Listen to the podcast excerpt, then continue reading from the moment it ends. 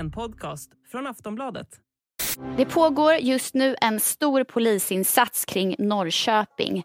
Två pistolbeväpnade män har fritagit en tredje från kriminalvårdens bil. Och enligt uppgifter till Aftonbladet är en grov brottsling som har fritagits.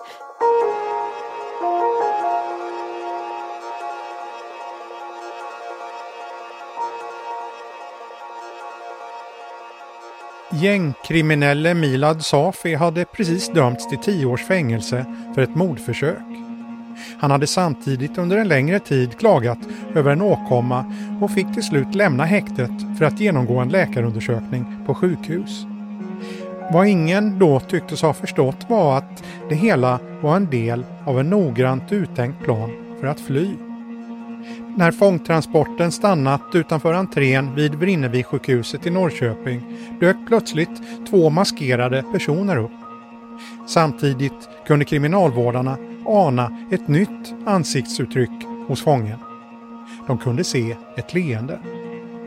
Det här är jakten på Milad Safi. Ett avsnitt av podden Aftonbladet Krim. Jag heter Anders Johansson.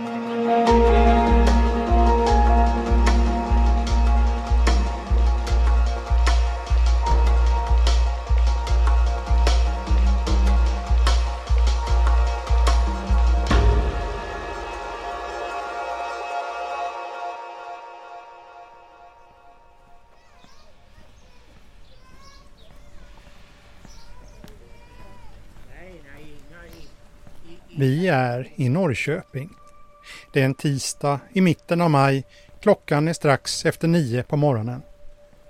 De senaste dagarna har varit ovanligt varma för årstiden men natten till idag har det regnat. Vi befinner oss i stadens södra delar. Framför oss har vi en stor rödbrun tegelbyggnad. Vrinnevi sjukhuset. Vi går in i huvudentrén.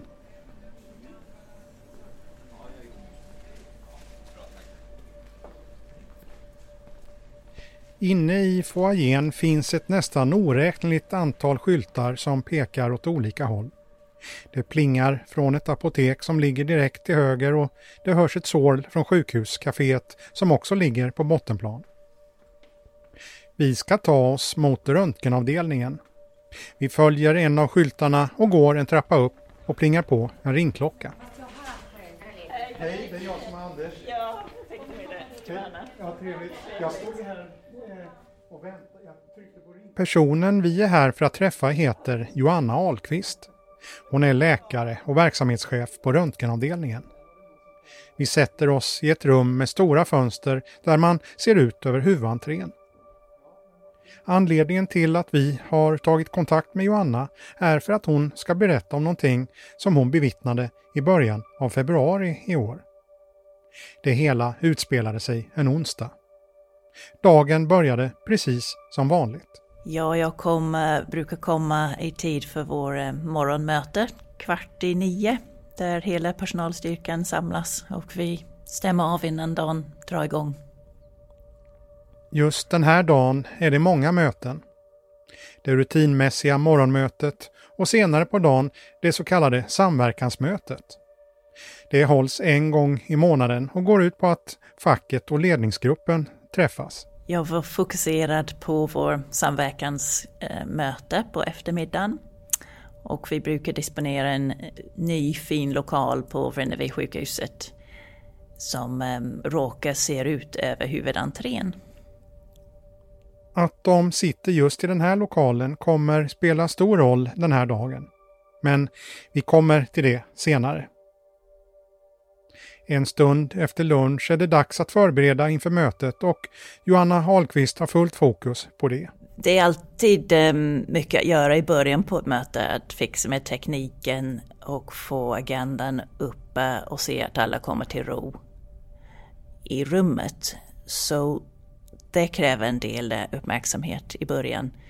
Men när vi väl hade startat mötet, det gick upp för oss att det började bli mer och mer aktivitet utanför huvudentrén som vi kan eh, se utanför det stora fönstret. Att det är lite stökigt utanför sjukhuset är egentligen inget ovanligt. Det är ofta ganska mycket aktivitet kring huvudentrén och det finns mycket byggarbete på sjukhuset generellt. Så det finns en del ja, personer i neonjackor och eh, vakt och byggarbete som pågår. Men vi insåg raskt, vänta det här är faktiskt ett polispådrag. Från fönstret är det svårt att avgöra vad som har hänt. Vi såg en, en eller två polisbilar var det, eh, polis som samlades utanför och eh, själva ingången till sjukhuset blev avspärrad med eh, polistejp. Och det började bli en och annan som inte kunde komma in till sjukhuset som eh, stod där och funderade hur de skulle eh, ta sig in helt enkelt. Eftersom det hela ser förhållandevis odramatiskt ut fortsätter de med samverkansmötet. Men hinner inte särskilt långt. Det nästa som hände var att eh, två polis knackade dörr och um, kom in, direkt in i mötet. Och då började vi förstå att uh, det fanns ett samband med det som hände utanför fönstret. Poliserna frågar om de har sett något. Men ingen på mötet har egentligen sett särskilt mycket mer än själva polisinsatsen. Joanna frågar vad det är som har hänt men får väldigt fåordiga svar från poliserna. Jag kände att jag inte ville nöja mig med den, um, det korta svaret från polisen där och då, för vi uppenbarligen satte eh, i um, händelsecentrumet. Så vi uh, gick ut på, på nätet på en gång och um, kunde se att det började rapporteras om händelsen i den lokala tidningen. Även i tidningen är det knapphändiga uppgifter. Men de breda dragen framgår. Någonting har hänt när kriminalvården transporterat någon till ett sjukhus. Transporten har stött på problem utanför sjukhuset. Med vad som såg ut att vara någon form av eh, fritagning av personen som transporterades.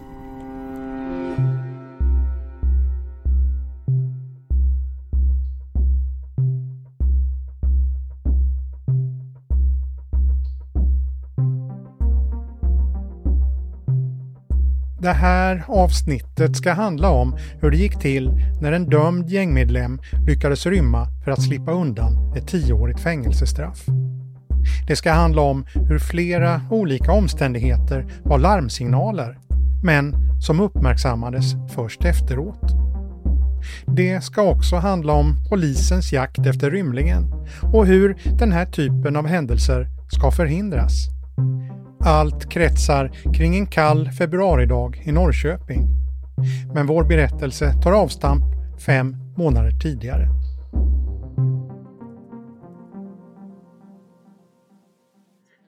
Rustningen och den rullar där.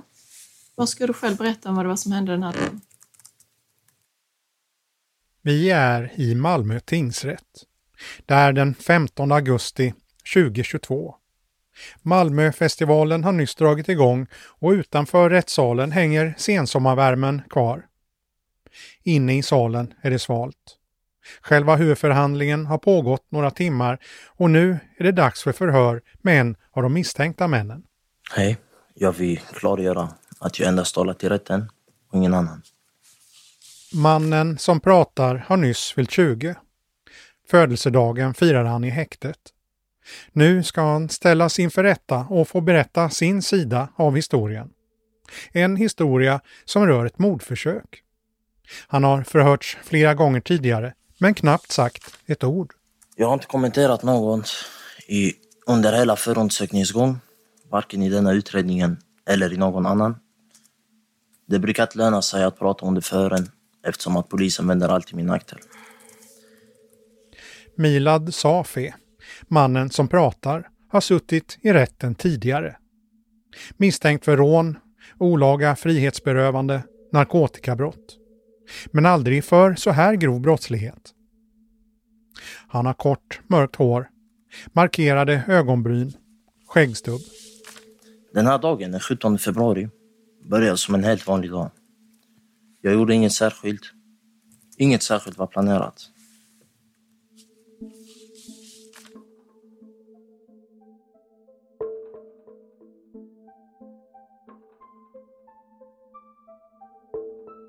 Dagen som Milad Safi berättar om är en torsdag. Allt börjar strax efter klockan fyra på eftermiddagen på en väg utanför Bunkeflostrand, en förort till Malmö. En svart Audi kör bakom en annan mörkfärgad bil. En bit bakom de båda bilarna befinner sig en tredje bil som körs av en polis. Han är ledig den här dagen. Polismannen har gett oss tillstånd att återge hans berättelse av vad som sker. Uh, jag är ledig och är på väg ner till Bunkeflostrand. När han är på väg in i en rondell lägger han märke till den svarta Audin och den andra bilen. När jag är nog 20-30 meter ifrån rondellen så blir jag omkörd av två stycken bilar. Uh, för, som jag uppfattar båda som mörka. Polismannen reagerar direkt på hur de två bilarna kör. Uh, och jag uppfattar det som att de här två bilarna jagar varandra. Båda bilarna kör konstigt. Det är mycket trafik men de tränger sig fram och kör hetsigt. Det ser ut som att den ena bilen jagar den andra. De kör betydligt snabbare än övrig trafik som kör på samma väg. Jag stannar till och trafiken stannar till på grund av liksom bilarnas körsätt. Vid en rondell tar den första bilen ner mot höger. Den svarta Audin saktar in precis innan rondellen. Rutan vid passagerarsätet är nervevad. Eh, när jag ser att eh, en arm kommer ut från vad jag uppfattar som eh, passagerarsidans fönster. Sen smäller det. Och eh, då avlossas två stycken skott i snabb följd. I vad jag uppfattar som en automatpistol. En vanlig halvautomatisk pistol. Enligt polismannen avlossas skotten mot den andra bilen. Eh, I riktning mot den flygande bilen som då har hunnit en 40-50 meter in ner på Skånegårdsvägen. Eh, jag har uppfattat att skotten är liksom riktade mot den här bilen. Efter skotten är det över. Sen åker armen snabbt in i bilen igen. Och jag tänker då, jag måste iaktta var den här bilen tar vägen.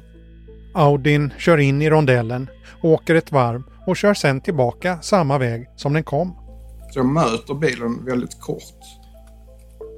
Uh, hinner inte se riktigt vem som sitter i den. Den ledige polismannen bestämmer sig för att följa efter. Jag vänder runt snabbt också direkt för att bestämma för att jag måste följa efter och se var bilen tar vägen. Eh, bilen kör ju som att den försöker komma därifrån. Eh, vilket är väldigt stor kontrast i övrig trafik. Då. Det är väldigt mycket trafik den här dagen. Det är så att det kryper fram. Samtidigt som den lediga polisen följer efter bilen ringer han SOS Alarm. Under samtalet fortsätter han följa efter bilen. Så jag följer efter på betryggande avstånd. Jag vet fortfarande inte om de vet att jag följer efter eller inte vid detta tillfället. Han försöker hålla visst avstånd till bilen samtidigt som han inte ska tappa den ur sikte. Och jag vet ju att det är en pistol i bilen så att man blir lite mer försiktig. Liksom. Inledningsvis går det i förhållandevis lugn takt. Audin har en trasig baklampa så det är lätt att hålla koll på bilen. De svänger ut på yttre ringvägen och polisen följer efter. Men efter en stunds jakt händer något. Eh, då, av någon anledning, så ökar den här bilen hastigheten avsevärt och i princip försvinner i ett rökmoln. När bilen drar iväg tappar polisen bilen ur sikte. Han chansar på vart den kan ha åkt. Eh, och där kommer en raksträcka efter så att jag kan rätt snabbt konstatera att, inte, att den har troligtvis inte tagit vägen där och då hade jag sett den. Eh, så jag informerar ledningscentralen att eh, den har, den har med allra största sannolikhet tagit över på lockupsavfarten. Och sen tappar jag bilen där. Eh, och därefter så avslutar 112-samtalet. Den lediga polisen tappar alltså kontakt med bilen. Men andra kollegor har redan tagit upp jakten. Kort senare får en polispatrull syn på bilen och kör efter. Under jakten hittas handskar och senare också en pistol. Polisen tappar bort bilen igen, men får ett nytt tips och kan snart gripa en person som tros ha hoppat ur bilen och en annan som också då tros vara inblandad. Kort senare grips ytterligare en person, en man klädd i t-shirt som springer över ett fält. Personen får papperspåsar över händerna och handfängsel. Han heter Milad Safi.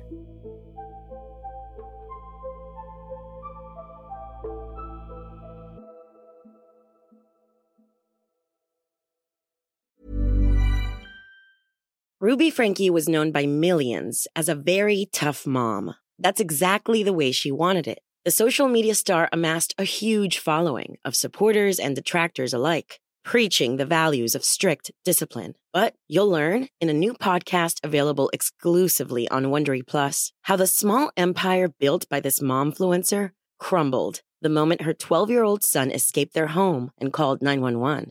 Wondery and Law and Crime bring you the new podcast, The Rise and Fall of Ruby Frankie, which explores the allegations of starvation, torture, and emotional abuse leveled against Frankie and her business partner, Jody Hildebrandt. Learn about the family's path to stardom, the depravity investigators uncovered inside the home, and hear in depth analysis of the ongoing criminal trial. Listen to the rise and fall of Ruby Frankie exclusively and ad free on Wondery Plus. Join Wondery Plus in the Wondery app or on Apple Podcasts.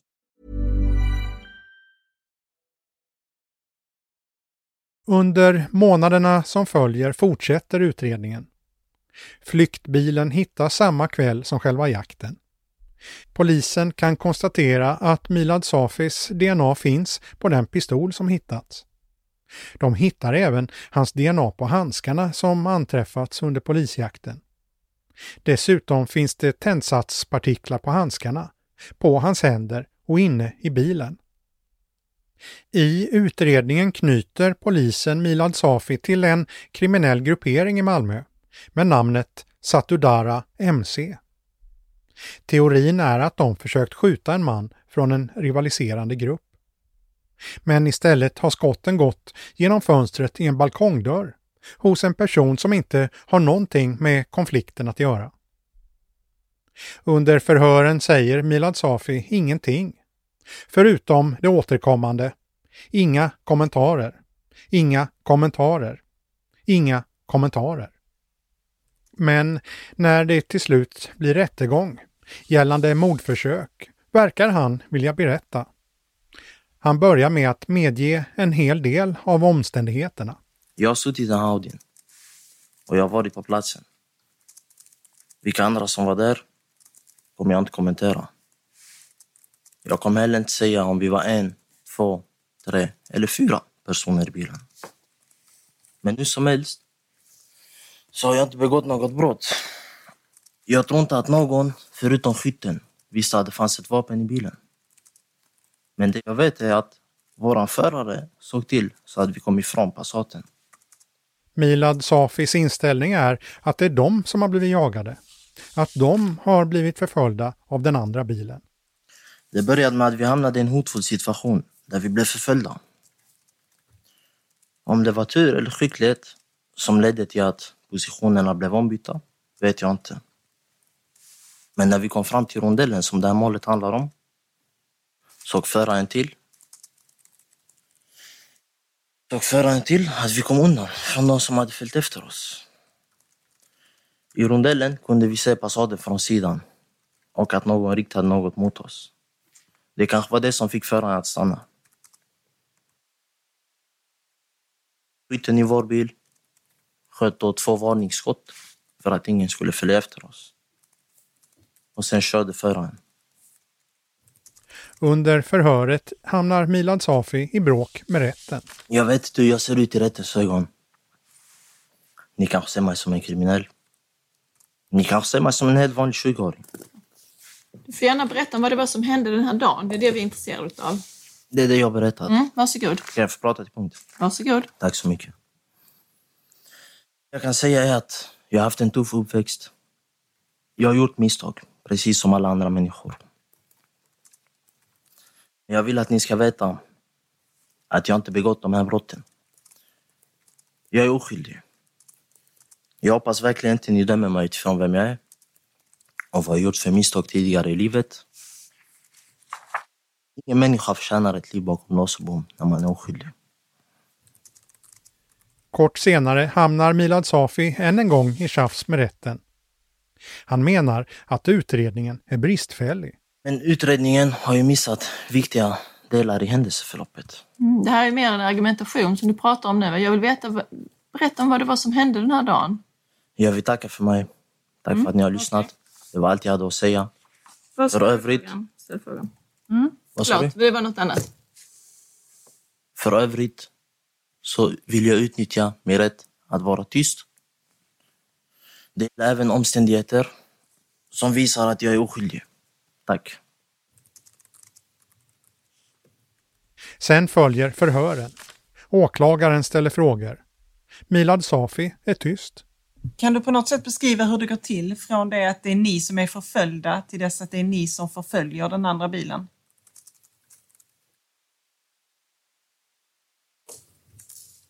Hon ställer fråga efter fråga men möts av tystnad. Kan du berätta om din relation till dina medtilltalade?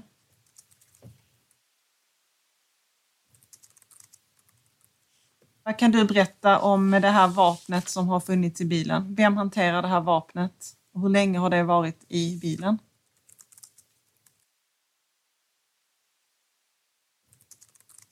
Efter fem minuters förhör ger hon upp och lämnar över till Milad Safis advokat. Ja, tack. Advokat Ros. Tack. Jag har klargjort för mig tidigare att du inte vill svara på åklagarens frågor. Eh, jag har en fråga till dig. Åklagaren har visat att det har funnits tändsatspartiklar på ett par handskar som är kopplade till dig. Eh, åklagaren har visat att det finns DNA på ett vapen. DNA som kopplas till dig. Är det du som har kastat ut det här vapnet ur bilen? Det vill jag inte kommentera. Du kommenterar inte sånt även som talar till din fördel. Precis som jag sa innan. Tack, då har jag inte fler frågor för närvarande. Domen mot Milad Safi och de andra gärningsmännen faller den 12 september 2022. Milad Safi får 12 års fängelse för mordförsök. I domen sägs att det utrett att det var han som var skytten. Att det endast varit tillfälligheter som gjort att brottet inte fullbordats. I hovrättsdomen som faller i slutet av november sänks hans straff från 12 till 10 år. Det hela överklagas till Högsta domstolen som nekar prövningstillstånd. Därmed vinner domen laga kraft. Milad Safi får alltså slutligen 10 års fängelse. Det här är i mitten av januari. Och i det här läget står det alltså klart att Milad Safi ska tillbringa åtskilliga år i fängelse. Men mycket tyder på att han redan då har satt andra planer i verket för att komma undan rättvisan. Ja, redan eh, när han var på häkte i Malmö så har han nu fått eh, remisser från sjukvården. Eh, det fick han redan 8 september faktiskt. Det här är Viktor Stenqvist, reporter på Aftonbladet. Precis som han berättar så söker Milad Safi vård när han sitter på häktet i Malmö. Exakt vad han söker vård för vet vi inte, men vi vet att han får en remiss. Efter att han blivit dömd flyttas han från Malmö. Men det här fortsätter. Remissen eh, följer med när han förflyttas över till häktet i Norrköping. Under tiden på häktet i Norrköping fortsätter Milad Safi tjata och argumentera för att han behöver ett sjukhusbesök. Häktets sjukvårdspersonal menar att själva åkomman inte är akut. Men Milad Safi driver på. Han har flera gånger varit eh, upplevt som väldigt påstridig när han har berättat om sina problem. Han säger att han har någon släkting som är läkare. Eh, han säger att han, han är väldigt påstridig mot eh, personalen, sjukvårdspersonalen på häktet i Norrköping. I samtalen med häktets sjukvårdspersonal hotar han med konsekvenser om han inte får sitt sjukhusbesök. Annars hotar han med att anmäla häktet för att man inte får, får sina rättigheter godkända då, att han ska få göra den här undersökningen. Månader av påtryckningar ger till slut resultat. Och det finns ju också en remiss så till slut så får han eh, då tillåtelse från häktet att eh, ta sig till sjukhuset för att göra den här eh, undersökningen som, som, som han, han hela tiden tjatar om att han vill göra. Samtalet från Vrinnevi-sjukhuset kommer den 19 januari. De meddelar att Milad Safi fått en tid klockan 13.45 den 8 februari. Alltså drygt två veckor framåt i tiden. Under de här veckorna händer ett flertal saker. Ja, en dryg vecka senare, eller ja, exakt en vecka senare, den 26 januari, då, då får eh, häktet en, eh, en lista med, med instruktioner från Vrinnevikssjukhuset om, eh, om vad han ska behöva göra för att förbereda sig inför besöket. En av instruktionerna är att han ska ta laxermedel.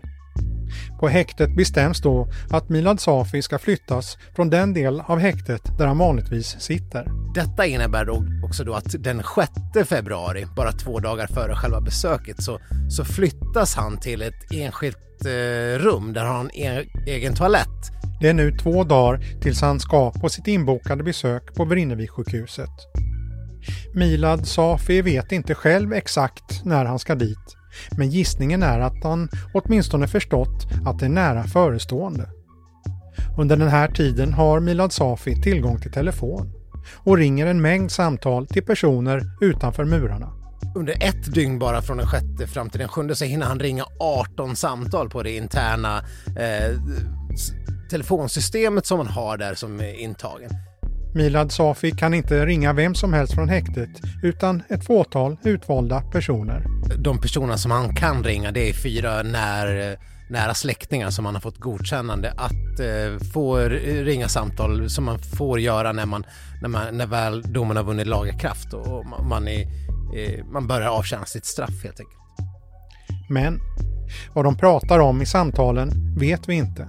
Nej, eftersom de här samtalen inte finns inspelade så har man ingen uppfattning om vad som, vad som har sagts. Före sjukhusbesöket ställer Milad Safi ytterligare ett krav. Han vill åka i sina civila kläder. En detalj som, är lite, som sticker ut är att han har fått begärt att få, ta det, få, få in sina civila skor som han vill rengöra. Eh, det verkar vara viktigt för honom att han får ha sina civila skor på, på sjukhusbesöket. Det här kravet tillgodoses och den 8 februari är det alltså dags. Två kriminalvårdare, en kvinna och en man, kommer till häktet i Norrköping vid kvart över ett för att hämta Milad Safi. De reagerar direkt på att han bär civila kläder. De som ska leda honom, eh, kriminalvårdarna som följer med, de anmärker först på att han eh, har civila kläder, eh, berättar man. Att man tycker det är lite märkligt men man tänker inte så mycket mer på det. De tar hissen ner till häktets garage och sätter sig i transportbilen. Sen kör de mot Vrinnevi-sjukhuset. Den här sträckan från häktet i Norrköping till Vrinnevi-sjukhuset, eh, det tar bara 10 minuter att köra bort. Så att eh, de åker upp till häktet, hämtar upp honom och 10 minuter senare så är man redan framme vid sjukhuset. Eh, där parkerar man sin bil 10 meter någonstans från huvudentrén. Det här är en osäkerhetsfaktor. Att det inte går att parkera inne i själva sjukhuset.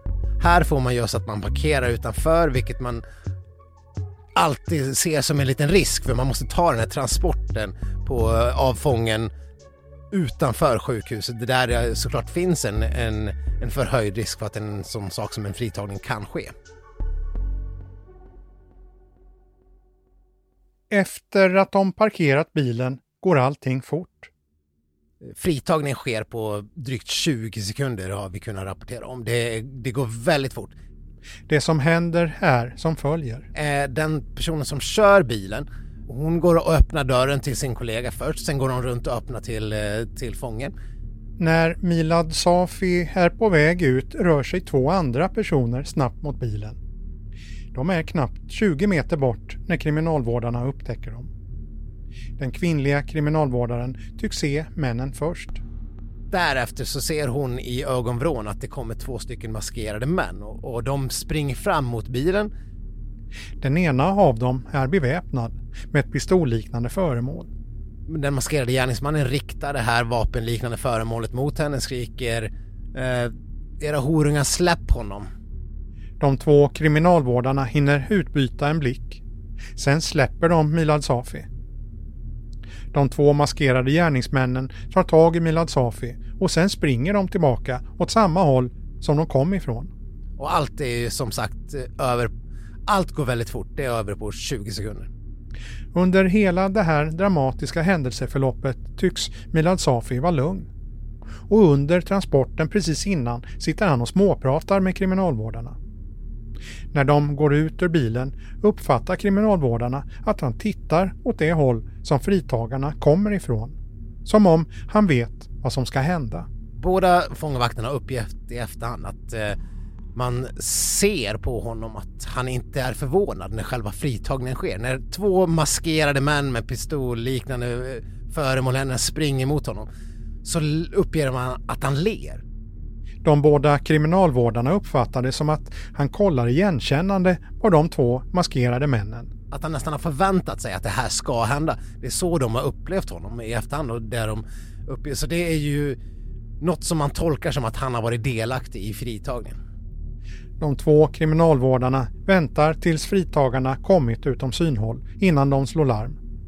Sen väntar de på platsen. Det finns några vittnen som kommer fram till, eh, till de här kriminalvårdarna och frågar Oj, vad är det som händer? Är det, spelar ni in en, är det en filminspelning eller är det något liknande? Men det, det är det förstås inte utan man eh, ringer 112, man ringer, eh, ser, enligt de gängse rutinerna så larmar man ju direkt. Ungefär tre minuter efter larmet är polisen på plats. Men då har ju gärnings, eller fritagarna och Milad försvunnit iväg långt Eh, lång väg redan. Eh, de åker iväg i sin eh, flyktbil. Flyktbilen beskrivs som en kantig bil. En stor polisinsats inleds för att jaga rätt på fritagarna och fången. Kort senare når fallet medierna. Ja, det var vid halv två-tiden på onsdags eftermiddagen som polisen fick in ett så kallat skarpt överfallslarm från Vrinnevi-sjukhuset. Två beväpnade och maskerade män fritog en person utanför huvudentrén och så försvann alla tre från platsen i en bil. Men trots en massiv polisinsats kommer de jagade männen undan. Sen är det en insats som fortsätter under de närmsta dagarna och veckorna eh, Eh, genom att eh, ja, men dels söka framförallt intensivast i Norrköping eh, men sen breddar man ju området allt eftersom. Men efter någon vecka så hittar man ju den utbrända flyktbilen långt härifrån och då förstår man att han åtminstone inte håller sig kvar i Norrköpingstrakten. Den utbrända flyktbilen är, vad vi vet, det sista spåret av Milad Safi. Nu, tre månader senare, är han fortfarande spårlöst försvunnen.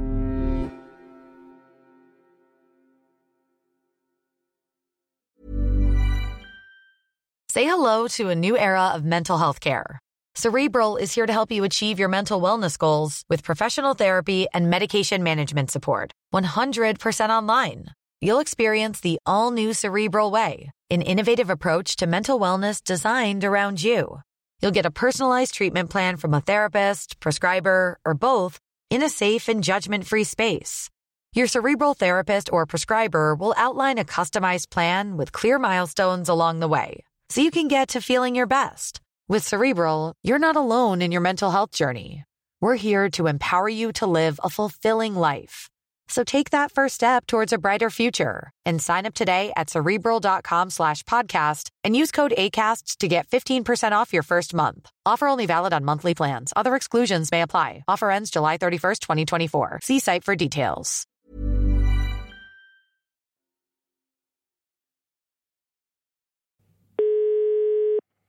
God Ja, hej. Jag ringer från Aftonbladet och heter Anders Johansson. Det här är Jan Stav. Han är kriminalkommissarie och den som leder jakten på Milad Safi. Enligt honom finns det vissa ledtrådar. Men vartåt de pekar vill han inte berätta nu.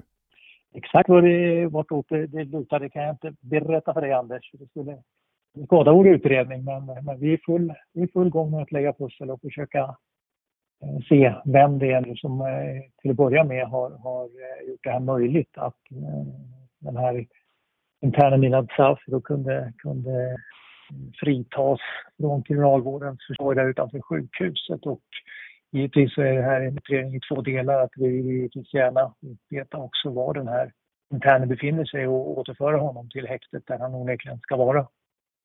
Var Milad Safi befinner sig just nu finns det flera teorier om. En är att han försvunnit utomlands för att försöka hålla sig undan resten av livet.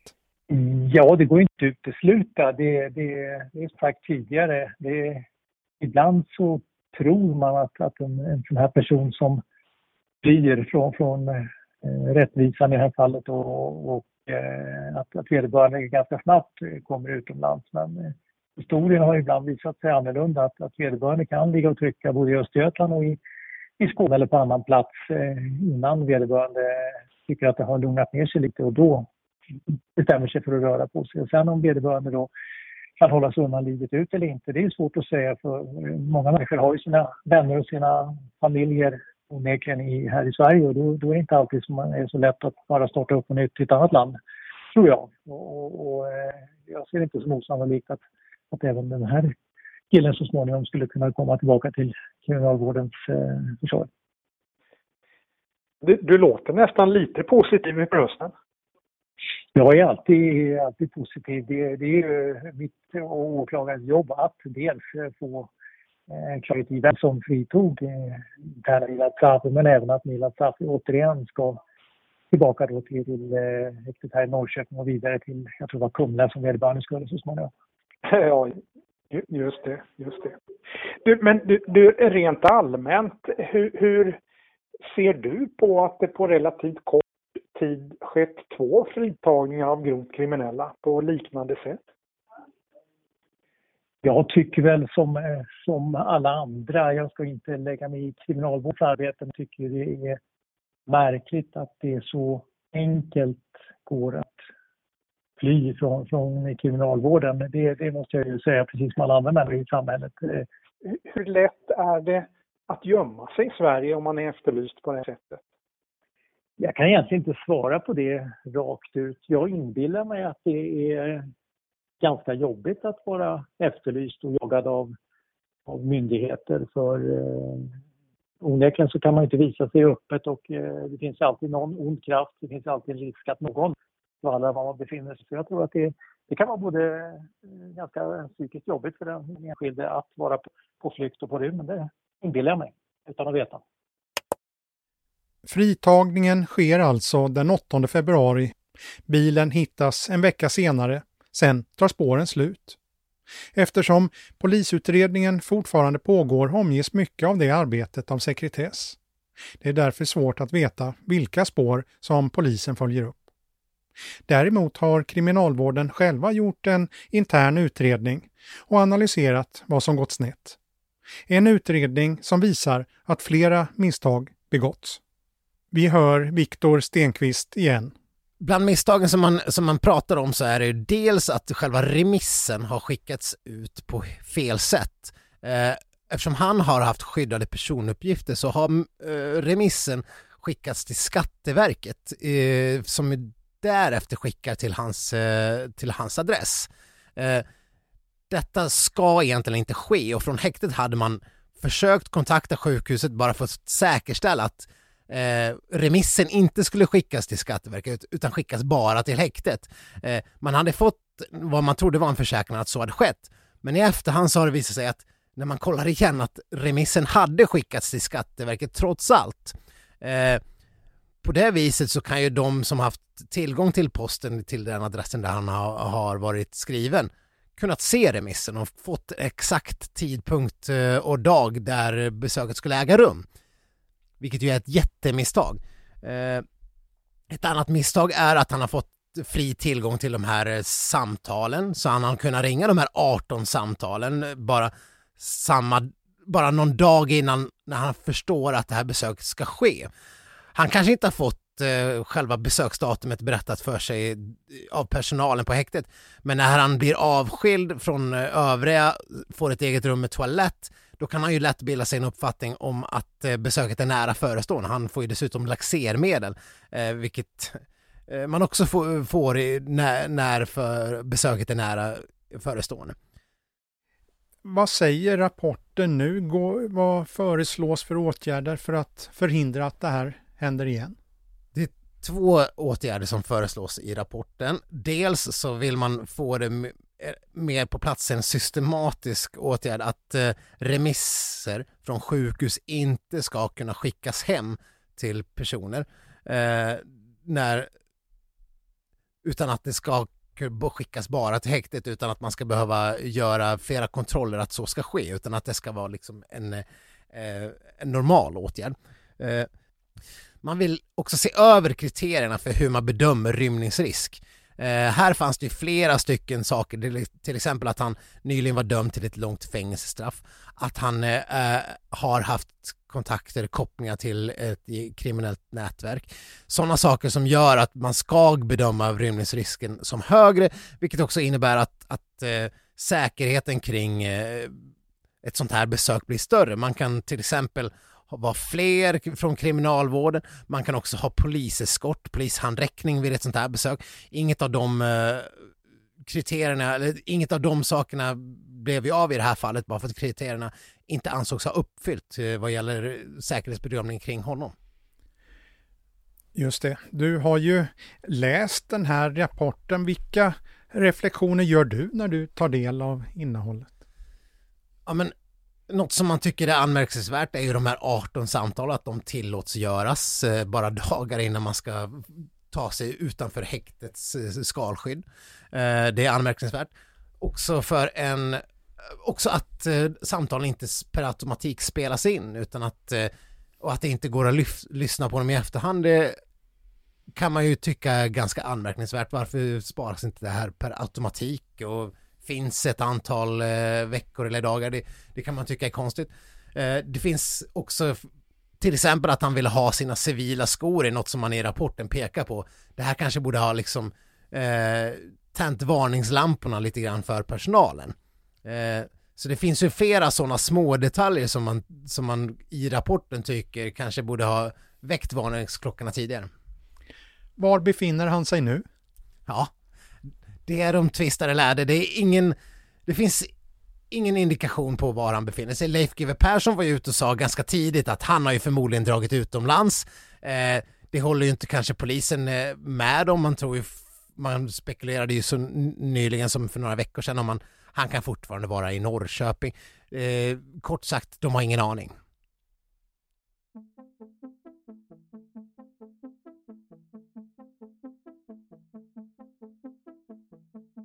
Fritagningen av Milad Safi skedde alltså i Norrköping den 8 februari.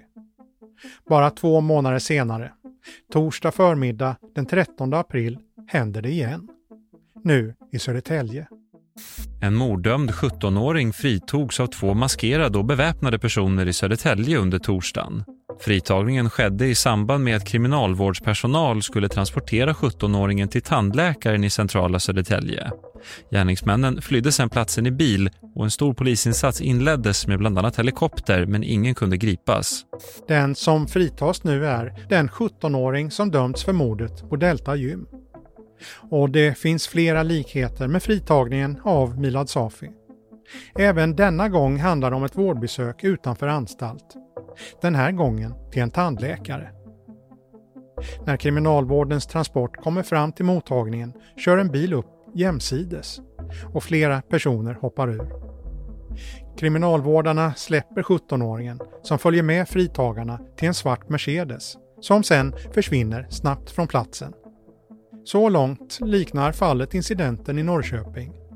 Men den här gången ska det sluta annorlunda. Den 17-åring som förra veckan fritogs i samband med ett tandläkarbesök i centrala Södertälje greps i Strängnäs på fredagskvällen.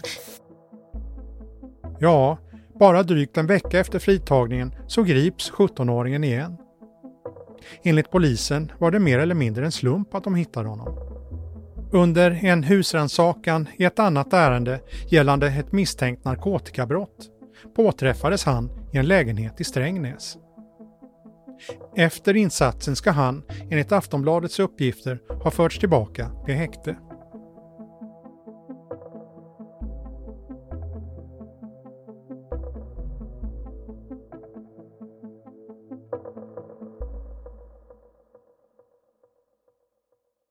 Oavsett hur det slutade den gången kvarstår faktum.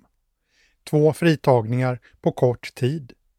Två fritagningar av personer som dömts för grova brott. Så rymningar och fritagningar sker då och då.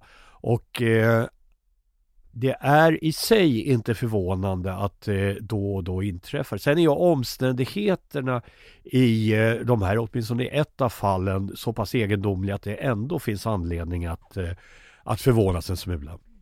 Det här är Oshin Cantwell, nyhetskolumnist på Aftonbladet, som ofta skriver om rättsfrågor. Han är inte så förvånad över senaste tidens uppmärksammade händelser, men har en klar uppfattning om dem att det är väldigt allvarligt.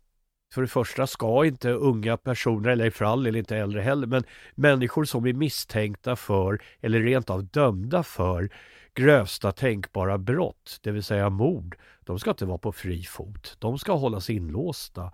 Om inte annat så för eh, allas eh, vår säkerhet. Och eh, det skänker ju också ett löjes skimmer över eh, de här myndigheterna som har att eh, se till att de här personerna ska hållas inlåsta. Eh, det, det, framstår ju som eh, lätt clownartat att det kan gå till på det här sättet. Under våren har ytterligare rymningar skett från SIS-hem, alltså en sorts anstalter för unga kriminella som drivs av Statens institutionsstyrelse. Där har flera unga killar misstänkta för grova brott lyckats fly bland annat genom att klättra över SIS-hemmets stängsel. om vi tar det här med SIS-hemmen, det bedömer jag som allvarligare och eh, eh, jag ska försöka förklara varför. Rymningar från traditionella kriminalvårdsanstalter och fritagningar, de sker. Men i nästan alla fall så handlar det om rymningar som inte ens kommer till mediers eh, eh kännedom. Det är någon eh, rattfyllerist som eh, avviker eller sådär men sen ångrar sig och sätter sig på bussen tillbaka. Det är oerhört sällsynt att förhärdade brottslingar eh, rymmer. Det är också därför det blir sådana skriverier de få gånger det, det sker. Det skedde ett antal gånger i början på 2000-talet och Thomas Bodström var justitieminister och hans svar var ju att bygga de här så kallade Fenixanstalterna, det vill säga eh, anstalter inne i säkerhetsanstalterna. Sedan dess har det varit väldigt få rymningar av kvalificerade gangsters. Det här med SIS-hemmen ser vi dock eh, ske lite då och då och det är sannerligen inte bra. Men det är bara en del av problemet med SIS-hemmen. Alltså det är också så att eh, eh, Alltså vi, vi, har inte ett samhälle som är riggat för unga torpeder, barn som begår mord. Så de sitter där på samma hem som flickor som skär sig i armarna och så vidare. Den här situationen är inte bra och det är sannerligen inte bra att de kan rymma bara sådär sticka när de tycks eh, vilja. Rymningarna från kriminalvården har fått politikerna att reagera. Det har rests flera krav på förändring. Ett förslag som hörts har varit att beväpna myndighetens transporttjänst. Eh, det där är ju ett eh, lite väl vidlyftigt eh, förslag. Det, det, det vore en upptrappning, en eskalering om kriminalvårdare var, var eh, beväpnade. Och det är också så att poliser som har vapen, de går ju först en eh, tvåårig polishögskola. Sen så befinner de sig konstant, eller ofta återkommande i träning med sina vapen.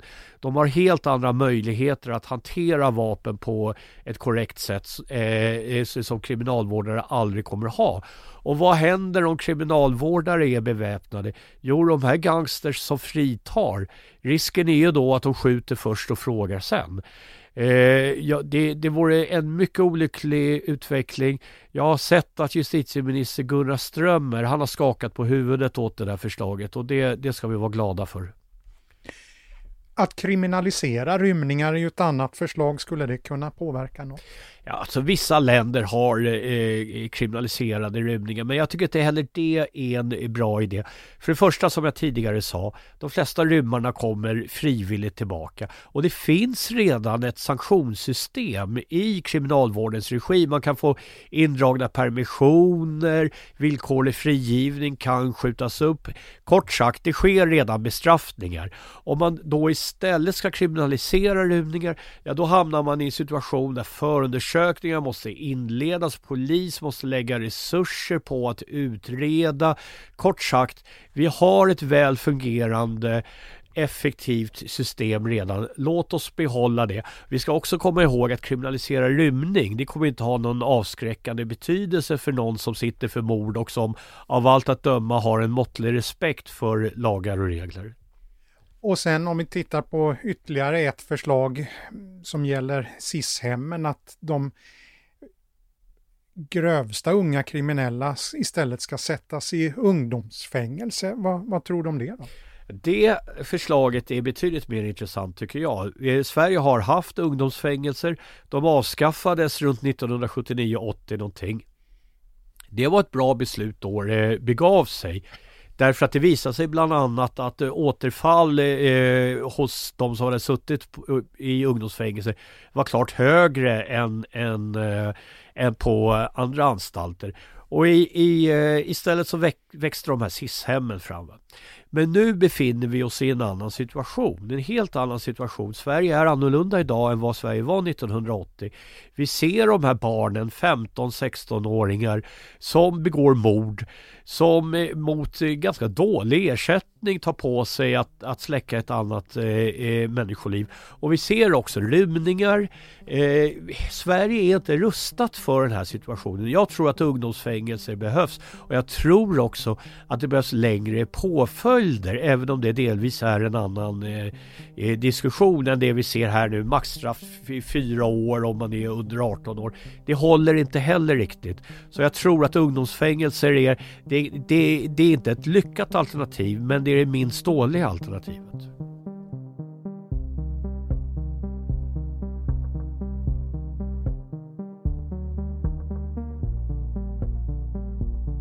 Merparten av de politiska förslag som förs fram i spåren av rymningarna präglas av det som brukar kallas hårdare tag.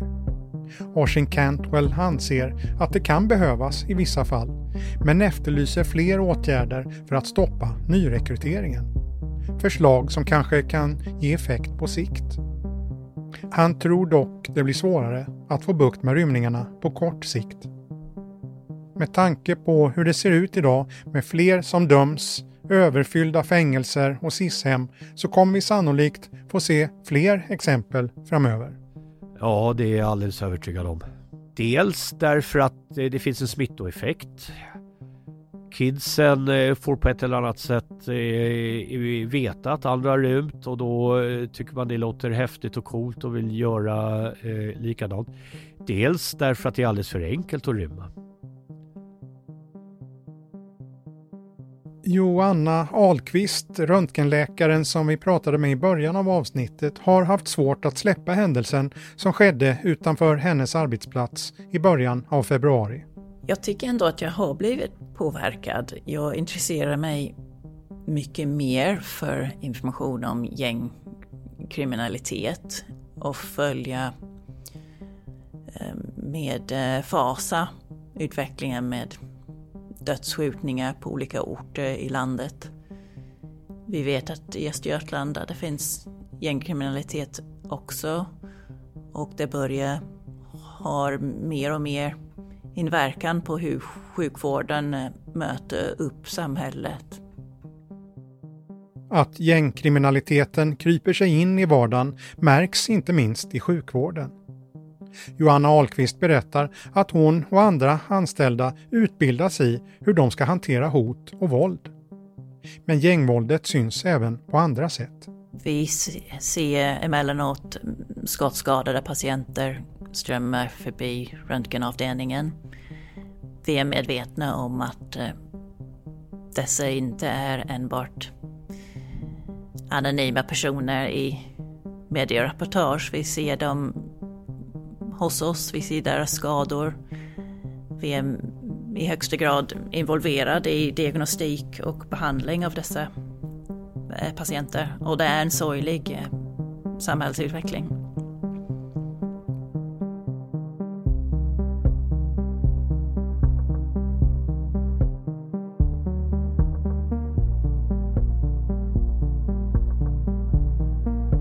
Du har lyssnat på ett avsnitt av podden Aftonbladet Krim.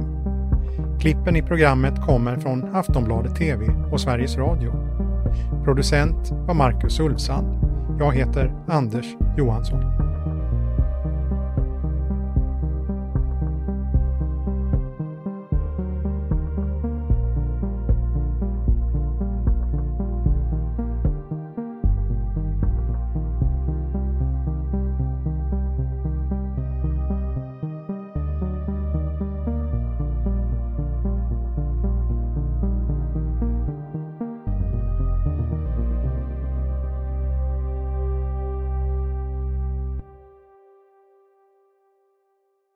Du har lyssnat på en podcast från Aftonbladet. Ansvarig utgivare är Lena K Samuelsson.